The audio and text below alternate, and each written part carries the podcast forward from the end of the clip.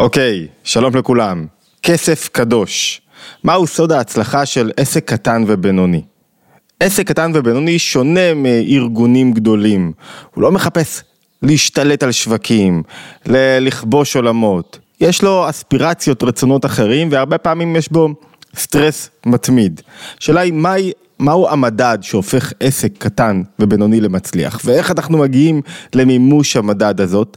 אז זה הבהירות יוצרת התמודדות עם אמ, סטרס, עם לעשות דברים שאנחנו לא רוצים, עם להיות במקומות שאנחנו לא רוצים. ברור לכל שמדד אחד להצלחה הוא מדד כספי. זאת אומרת, לא יכול להיות שיהיה עסק שהוא מצליח בלי שיש לו תזרים נכון, בלי שיש לו הכנסות נכונות. כסף הוא מדד אחד להצלחה, הוא לא המדד היחיד, אבל הוא המדד החשוב. הקריטריון החשוב להצלחה, כי זהו בעצם במידה רבה הסיבה לעשיית העסק, לעיסוק שבו אנחנו עוסקים, בין אם מוכרים מוצרים, בין אם נותנים שירותים. מהו כסף? אמרנו בסדרת הסרטונים שעוסקת בלחיות שפע.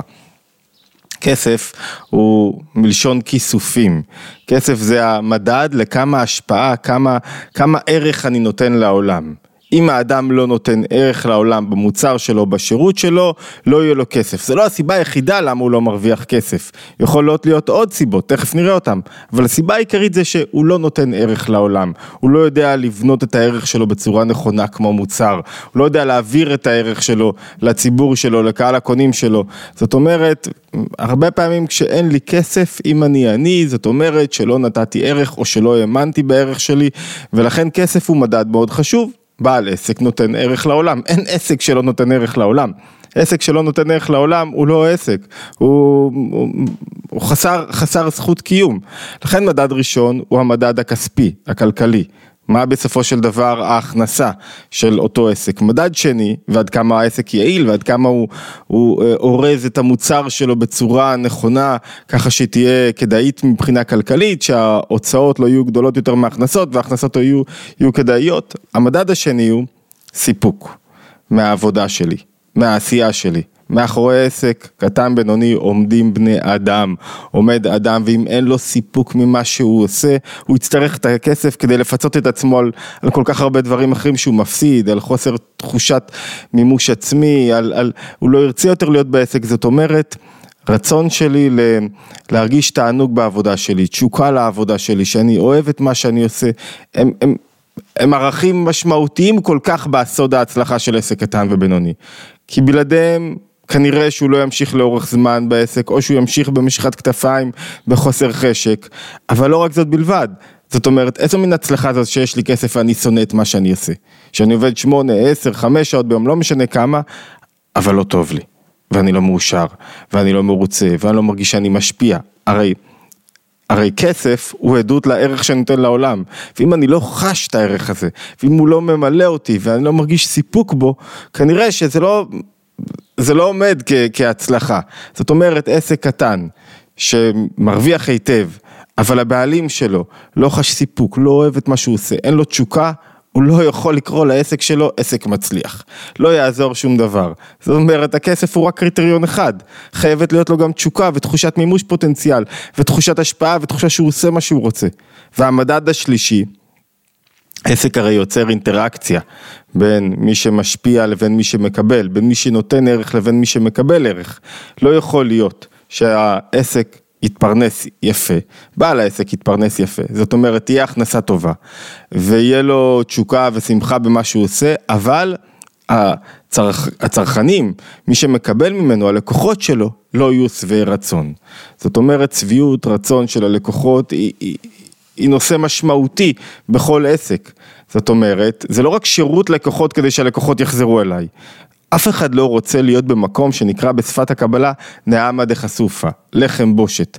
אף אחד לא רוצה להרוויח כסף שלא מגיע לו. הדבר הכי כיף בעולם זה שהלקוח שלך מרוצה ממה שנתת לו. אף אחד לא רוצה להרוויח כסף ממניפולציה עסקית או כספית. זאת אומרת, יש אנשים שרוצים להרוויח כסף מהמניפולציה הזאת, אבל זה שקר, לאורך זמן הם, הם ירגישו לא טוב, לא מצליחים, לא יצליחו לשחזר את מה שהם עשו. זאת אומרת, תנאי לשחזור הצלחה הוא שהלקוחות שלך מרוצים. עשינו סרטון על ההבדל בין עסק עתידני לעסק מיושן, עסק של העבר. ואמרנו, עסק עתידני הוא הדרך היום למימוש פוטנציאל של עסק. נקבנו בכמה, אני אשים את הלינק לסרטון הזה כאן למטה, ונקבנו בכמה קריטריונים למה מה עושה את ההבדל בין עסק עתידני לעסק מיושן. ואמרנו שעסק עתידני הוא יוצר קהילה. הוא חלק מהקהילה, הוא קשור בקהילה, זאת אומרת הקהילה היא המפתח שלו ולכן קהילה היא הדרך להמשיך ולתת ערך ולהמשיך להתפרנס, כי אתה נותן ערך לקהילה שלך.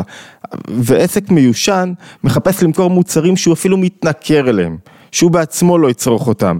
לכן לא יכול להיות שאדם בעל תודעה עתידנית, בעל תודעה נכונה, עסק שרוצה לממש את הפוטנציאל שלו, ייצר מוצרים שהקהל שלו לא מרוצה מהם. שיש חוסר שביעות רצון. זה נורא לקחת אנשים למלון ושהם לא מרוצים מהמלון. לקחת את האנשים, לתת להם רכב חדש, ושהרכב החדש, הם לא מרוצים מהרכב החדש. אתה רוצה שהקהל יהיה שבע רצון ממה שאתה נותן לו, והשביעות רצון הזאת מתגמלת. זאת אומרת, שלושה מרכיבים ראשוניים. מרכיב אחד, הוא המרכיב של הכסף, מרכיב שני הוא המימוש הפוטנציאל שלי, זאת אומרת לא יכול להיות שמישהו חי 8, 10 שעות, 12 שעות, 14 שעות, בדרך כלל עסק זה מלשון עיסוק, שאתה מונח בדבר, שהוא מטריד אותך, שאתה חי אותו. לא יכול להיות שמישהו חי משהו והוא לא אוהב את מה שהוא עושה, והוא לא מחובר. אם הוא לא מחובר, זאת אומרת שהוא יצטרך... כדי להתרענן מהעסק עוד חופשה ועוד חופשה ועוד חופשה, למה? כי כל הזמן הוא יחפש לברוח ממה שהוא עושה. כל הזמן הוא יהיה בסטרס ובמצב נפשי לא נכון ו- ו- ולא יהיה לו כיף במקום שלו. מצב נפשי נכון זה עוד אלמנט, מרכיב בהצלחה של עסק. והוא מקושר לזה שאני, יש לי תשוקה למה שאני רוצה. מצב נפשי נכון זה מצב שיש בו מיעוט של סטרס. בעל עסק שהוא כל הזמן בסטרס וכל הזמן בלחץ, מעיד על כך שהוא לא במקומו, שהוא לא, שהוא לא מרגיש בכל שלב בהתפתחות של העסק. עסקים עוברים התפתחות, לפעמים עולים, לפעמים יורדים, יש תקופות של צמיחה, יש תקופות של צמצום, אבל כשבעל עסק מחובר למה שהוא עושה, הוא לא מחובר רק לתוצאות החיצוניות, זה עוזר לו להנמיך את מידת הסטרס. כי, כי בעל עסק פוגש באופן מוחש כל הזמן השגחה פרטית. הוא לא יודע מה יהיה בעוד רגע, והכל נתון לו בידיים שלו, ויש לו אפשרות לעשות מעשים, והוא לא תלוי במשכורת של סוף חודש, וזה מקום מאוד מצד אחד מלחיץ. כי הוא עומד לבד מול העולם והכל תלוי ביוזמה שלו ובמה שהוא יעשה, אין לו אף אחד להישען עליו. מצד שני, זה מקום מאוד עצמאי. מאוד אה, שמזמין אה, חשיבה יצירתית והתפתחות ועצמאות וגילוי הכוחות שלי, מזמין המון מרכיבים מאוד חשובים וסטרס מכווץ את היכולת שלי לפרוץ קדימה ולחשוב באופן יצירתי ולעשות דברים אחרים.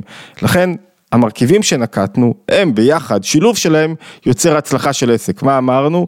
אמ, כסף, מימוש פוטנציאל ותחושת השפעה מצב רגשי נכון, זאת אומרת אהבה, תשוקה והיעדר סטרס שאנחנו כורכים אותם ביחד עם המרכיב השני ושביעות רצון של הלקוחות שלי. וכל מי שבא במגע עם שביעות הרצון. אני לא רוצה שהלקוחות שלי יהיו שביעים רצון רק כדי שלא יהיו לי תלונות בגוגל, אלא כי זה העניין האמיתי. כי אני לא רוצה לקבל כסף חינם, כי אני באמת רוצה שמה שאני משפיע יתקבל על ידי הלקוחות, על ידי הצרכנים, והם בעצמם ישתמשו בזה. זה מבאס למכור מוצר שאתה יודע שלא ישתמשו בו.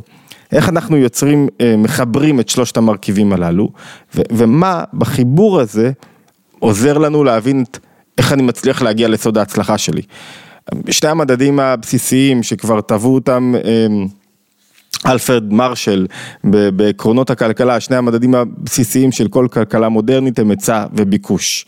היצע זה ברור לכולם, זה כמה אני מציע, מה אני מציע, היצע נוגע אליי, אל נותן השירות, נותן המוצר, וביקוש, כמה רוצים את המוצר שלי, כמה מחפשים לקנות אותו, אומדן מידת הרכישה של כמה שיקנו אותו. אפשר להקביל את שני המדדים הללו, את ההיצע וביקוש, לשני מדדים בפנימיות הנפש שהם השפעה וקבלה. זאת אומרת, עצה במידה מסוימת הוא כמה אני רוצה להשפיע, מה אני רוצה לתת לעולם, מה הבשורה שלי, מה, מה, מה, מה יש לי לתת לעולם, מה הערך שאני מביא.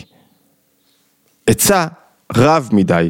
כשאני מביא יותר מדי דברים, והקהל עוד לא מוכן לקבל, זאת אומרת שהשווקים לא מוכנים עדיין לחדשנות שלי, לרעיונות שלי, למה שיש לי לתת, זה כאילו יש לי המון ערך להביא לעולם, אבל עדיין לא התקשרתי עם השוק. לא באמת, לא באמת, הוא, הוא לא מוכן. אני, אני רוצה להוציא עוד ספר, תאמינו לי שאין דבר שאני רוצה יותר מאשר לשבת בחדר ולהוציא עוד ספר. 11 ספרים, אבל אומרים רגע בהוצאה, תירגע, תרגיע, תן לספר הקודם להתבשל בשוק, תן לו להגיע לפרוץ את גבולות האישיות אם אין לכם, תן לו רגע לחדור לשווקים, אנשים לא יכולים לשאת כל כך מהר עוד ספר ועוד ספר, אז זה שלך יש מה לתת ומה להשפיע. זה לא אומר שעדיין יש לך אינטראקציה עם הלקוחות שלך, עם הקהל הקוראים שלך, שמוכן לקבל את זה. תפתח מלא חנויות בו זמנית, ועדיין אין לך מספיק לקוחות שיקנו מהלקוח, מה, מה, מהמוצרים שאתה משווק, מקדם, מוכר בחנויות. אז אתה עדיין לא מוכן, זאת אומרת, היצע מבטא את מידת ההשפעה שלי. אם מידת ההשפעה שלי מנותקת כרגע מה, מהביקושים, ממה שרוצים ממני, ממה שהקהל יכול לקבל, יש איזה ניתוק מסוים. בא לי. הרבה אנשים אומרים לעצמם, הרי ההיצע מבטא גם את התשוקה של המוכר, של בעל העסק. אני רוצה לכתוב, אני רוצה לעשות עוד דברים, אבל זה בסדר שאתה רוצה לעשות עוד דברים. חלק מהמפגש עם הביקושים זה להוריד אותך לפרקטיקה. זה להגיד רגע, רגע, רגע, יש לך מחויבות, יש לך אחריות, אחריות ליצור תקשורת עם הלקוחות, להבין אותם, להקשיב לראש שלהם, אתה לא יכול לתת משהו עדיין ש, שהשוק לא מוכן אליו. מצד שני, אם אתה רק תלוי במבקשים, אתה אף פעם לא תהיה חדשן, אף פעם לא תניע קדימה, אף פעם לא תבחר לפרוץ גבולות. זאת אומרת שיש עניין שהוא משמעותי ביותר, קודם כל לברר מה העצה שלי, מה ההשפעה שלי, מה הערך שלי, אבל הערך, אם אני לא מביא את הערך שלי, אני חסר תשוקה ותענוג. שזה, שזה האלמנט השני. מצד שני, אם אני מביא רק את התשוקה ואת התענוג שלי, יכול להיות מצב שעדיין אני לא אקבל מזה כסף. למה לא אקבל מזה כסף? כי השווקים לא מוכנים עדיין לקבל את מה שיש לי לתת להם. מה זה הביקוש? ביקוש זה כמה אמרנו צריכים ממני, כמה מוכנים לקבל ממני. כשיש יותר מדי ביקוש, זאת אומרת שאני לא מפשיל שרוולים ומוכן לצאת לעולם ולתת את הערך שלי לעולם במידה מספקת. אני לא אורז את המוצרים שלי במידה שתספק את העולם. יש יותר מדי ביקוש, אני מדבר לא כרגע על עוד מקומות, שכשיש יותר מדי ביקוש אז גם ינסו להציע עצה, אני מדבר על עצמי, יש ביקושים, אתה, אתה עדיין לא מתאים את עצמך למה שרוצים ממך, וכשיש יותר מדי עצה, משמעו אמרנו שאני לא קשוב לשוק, או שאני יותר מדי, יש כל מיני גורמים שמונעים ממני לייצר, להקשיב, וייצרתי יותר מדי כשלא מקבלים ממני. זאת אומרת, הסוד הוא בשיווי משקל בין היצע לבין ביקוש. שיווי המשקל בין היצע לבין ביקוש הוא זה, הוא לא תמיד, המדד שלו לא תמיד המחיר. לפעמים דווקא מחיר גבוה יוצר ביקוש יותר גבוה. אם אני למשל, מישהו יוריד את מחיר ההרצאות שלו למחיר נמוך מדי, אז יגידו רגע, מי רוצה מרצה ב-500 שקלים? מה, מה זאת אומרת? אם אתה לא מרצה ב-5,000 שקלים, למה שנזמין אותך? אם, אם זה הערך של המסר שלך, שמעתי את זה אומר יפה מאוד אמ, דוד אייזנברג בפודקאסט האחרון שלו, הוא סיפר על מדען שהגיש בקשה ל... למחקר מסוים, והוא אמר, אני צריך 300 אלף שקלים בלבד. הוא פנה לרשות החדשנות, ואמרו לו, 300 אלף שקלים? אמרתי לכם כבר, תעקבו אחרי אייזנברג בפודקאסט שלו. 300 אלף שקלים? הוא פרופסור בטכניון. אנחנו לא רוצים מישהו שמייצר מוצר, שמייצר חדשנות ב-300 אלף שקלים, זה אומר שהוא לא מאמין בעצמו. הוא משך חזרה את הבקשה שלו והגיש בקשה חוזרת לשלושה מיליון שקלים. שלוש מאות אלף שקלים הוא לא קיבל, שלושה מיליון שקלים הוא קיבל. זאת אומרת, זה נכון שיש מקום מסוים של ככל שהמחיר עולה הביקושים יורדים, אבל לא בכל התחומים, בוודאי שזה לא, לא משהו שהוא קבוע. יש סדרה של שאלות לגבי היצע וביקוש, הן שאלות קריטיות, שהמענה עליהן הוא זה שיוצר את ההבדל, אחד, איך אני מעורר ביקושים, יש לי תשוקה למשהו, אני אוהב אותו, איך אני מעורר ביקושים. מה נכון יותר, קודם כל להציע משהו, להביא את המוצר שלי לעולם, או קודם לחכות ולראות, לצאת ולראות מהם הביקושים שיש בעולם. יש היגיון בזה ויש היגיון בזה, יש דאונסייד, יש פסול בזה ופסול בזה. כשאתה הולך לבדוק רק מה, מה העולם צריך, מה, מה המוצרים, מה הביקושים, או שיותר מזה, אומר מרקוזה, אה, אה, שלפעמים אנחנו יוצרים מוצרים מדומים יוצרים צרכים ונותנים מוצרים מדומים כדי, כדי להשלים את הצרכים הללו. זאת אומרת, אין באמת צורך ואתה מעורר באנשים את הצורך כדי לדחוף להם מוצר. לפעמים כשאתה עושה את זה, זה אומר שאני בעצמי לא מחובר הרבה פעמים למה שאני עושה. אז בצד ההיצע, אני כאילו לא מחובר למה שאני עושה, זה לא חלק ממני, זה לא, זה לא התשוקה הגדולה שלי. זה, אמרנו שבניגוד להייטקיסטים זה הרבה פעמים אנשי אקזיט, סטארט-אפ זה דבר נפלא, אבל אקזיט אמרנו שהוא דבר שהוא יותר בעייתי, למה? כי אני מחפש מה צריכים, ממלא את הצורך הזה ומבקש כמה שיותר מהר לברוח מהמוצר הזה, הוא לא קשור אליי כרגע. זאת אומרת שהמקום הנכון של איזון, שילוב נכון בין ביקוש להיצע, שיווי משקל בין ביקוש להיצע הוא גם נכון, מקום נכון בנפש שלי. כי אני שואל שאלות, רגע, יש לי תשוקה, איך אני מעורר את הביקוש? אני לא רק בודק מהם הצרכים, אלא גם מה אני רוצה לתת, ומה אני מחובר אליו, מה קורה במצבים של כשל שוק. זאת אומרת שפתאום יש ביקושים גדולים והמחיר עולה ואני מרוויח הרבה על מוצר שמקודם הרווחתי פחות. או להפך, מה קורה שהיה לי היצע גדול ופתאום הביקושים נמוכים ואני עכשיו תקוע עם סחורה. מה קורה כשפתאום קיבלתי סכום כסף גדול? מה זה אומר על ההצלחה של העסק שלי? הנקודה היא שהכסף הופך להיות קדוש במובן של חיבור בין היצע וביקוש. בנקודה שבו יש אינטראקציה של נותן השירותים עם המקבל, בנקודה הזאת יש משהו שקשור בקדושה. ולמה? כי מה זה כסף? כסף אמרנו הוא אמצעי חליפין, שנועד להוציא את האדם מעצמו, זה המטרה של הכסף, שהוא לא יהיה אוטרקיה ויחיה עם עצמו, בתוך עצמו, בתוך מבנה חיים סגור. שמצד אחד הוא יגלה את הכוחות שלו, ומצד שני הוא ירגיש את העולם, מה העולם צריך, מה הוא יכול לתת לעולם, מה הביקוש בעולם. כשיש אינטראקציה, כשיש שיווי משקל, כשיש איחוד בין הערך שיש לי לתת לעולם לבין הביקוש מצד העולם, זה אומר שאני בעצם במקום שבו אני מגלה כוחות נכון ויוצר יוצר, אמ, יוצר את מה שנדרש ממני. אני מאזין, אני מקבל, יש לי אינטראקציה עם הלקוחות, אבל אני גם נותן. עכשיו, השיווי משקל הזה הוא אף פעם לא סטטי. הוא קדוש כי יש פה קדושה, יש בו נקודה, גילוי נקודת אחדות. האדם יצא מעצמו וגילה את האחדות שלו עם העולם. הוא עכשיו לא רק עוסק בעצמו, אלא הוא חייב להקשיב לאנשים אחרים, חייב לקבל מהם, חייב לא רק להיות עסוק במה התענוג שלו ואיפה לא מימוש הפוטנציאל שלו, אלא גם ממה שצריכים ממנו. מצד שני, הוא לא רק עושה רק מה שצריכים ממנו, הוא מביא גם את עצמו. השילוב הזה יוצר אחדות בין האני לבין העולם. האחדות הזאת מחברת את שלושת המרכיבים שקראנו להם סוד ההצלחה של עסק בינוני וקטן. היא משלבת את כל המרכיבים הללו ויוצרת מצב שבו גם יש לי כסף, כי הבאתי ערך, קיבלתי עליו כסף. גם גיליתי את המשמעות שלי, את מה שאני נותן, את העצה שלי, את הערך שאני מביא לעולם, וגם הלקוחות שלי שבעים רצון ממני, מהמוצר שלי, מהשירות שלי לאורך זמן, כי הענקתי להם משהו שהם באמת צריכים.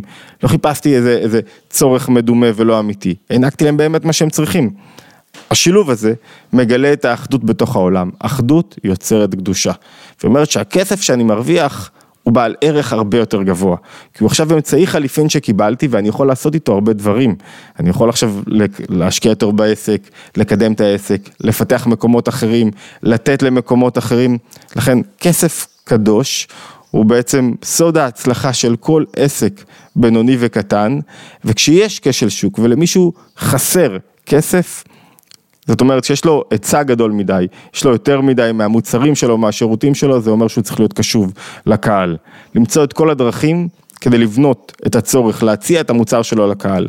כשמישהו הרוויח הרבה כסף, כי הביקושים גדולים עכשיו, זאת אומרת שהוא קיבל כסף כדי להשקיע אותו, לעזור למקומות שכרגע בהם קשה ליצור את, ה, את הנקודת איחוד הנכונה הזאת, את הנקודת שיווי משקל הנכונה הזאת בין היצע לבין ביקוש. ולכן במובן הזה, כשמסתכלים על עסק בינוני וקטן, הוא משלים את, ה, את תכלית הכוונה במידה רבה, כשהוא פועל נכון, כשהוא מביא את עצמו, וכשהוא מקשיב למה שצריכים ממנו, כשהוא יוצר קהילה, הוא משלים תכלית כוונה מאוד גדולה. ויש בזה שמחה גדולה, ויש בזה מימוש פוטנציאל גדול מדי, מאוד, ויש בזה הרבה חדשנות ויכולת לחשוב מחוץ לקופסה, אוקיי, עמדנו בגבולות ה-20 דקות, מזכיר לכולם, התבוננות יומית, בכל יום מתבוננים בנושא אחר בתורת הנפש היהודית ובחיים בכלל, מוזמנים להצטרף לערוץ, לקבוצות הוואטסאפ כדי לקבל עדכונים לגבי פעילויות שונות וקורסים באתר התבוננות, להשתמע בהתבוננות היומית הבאה.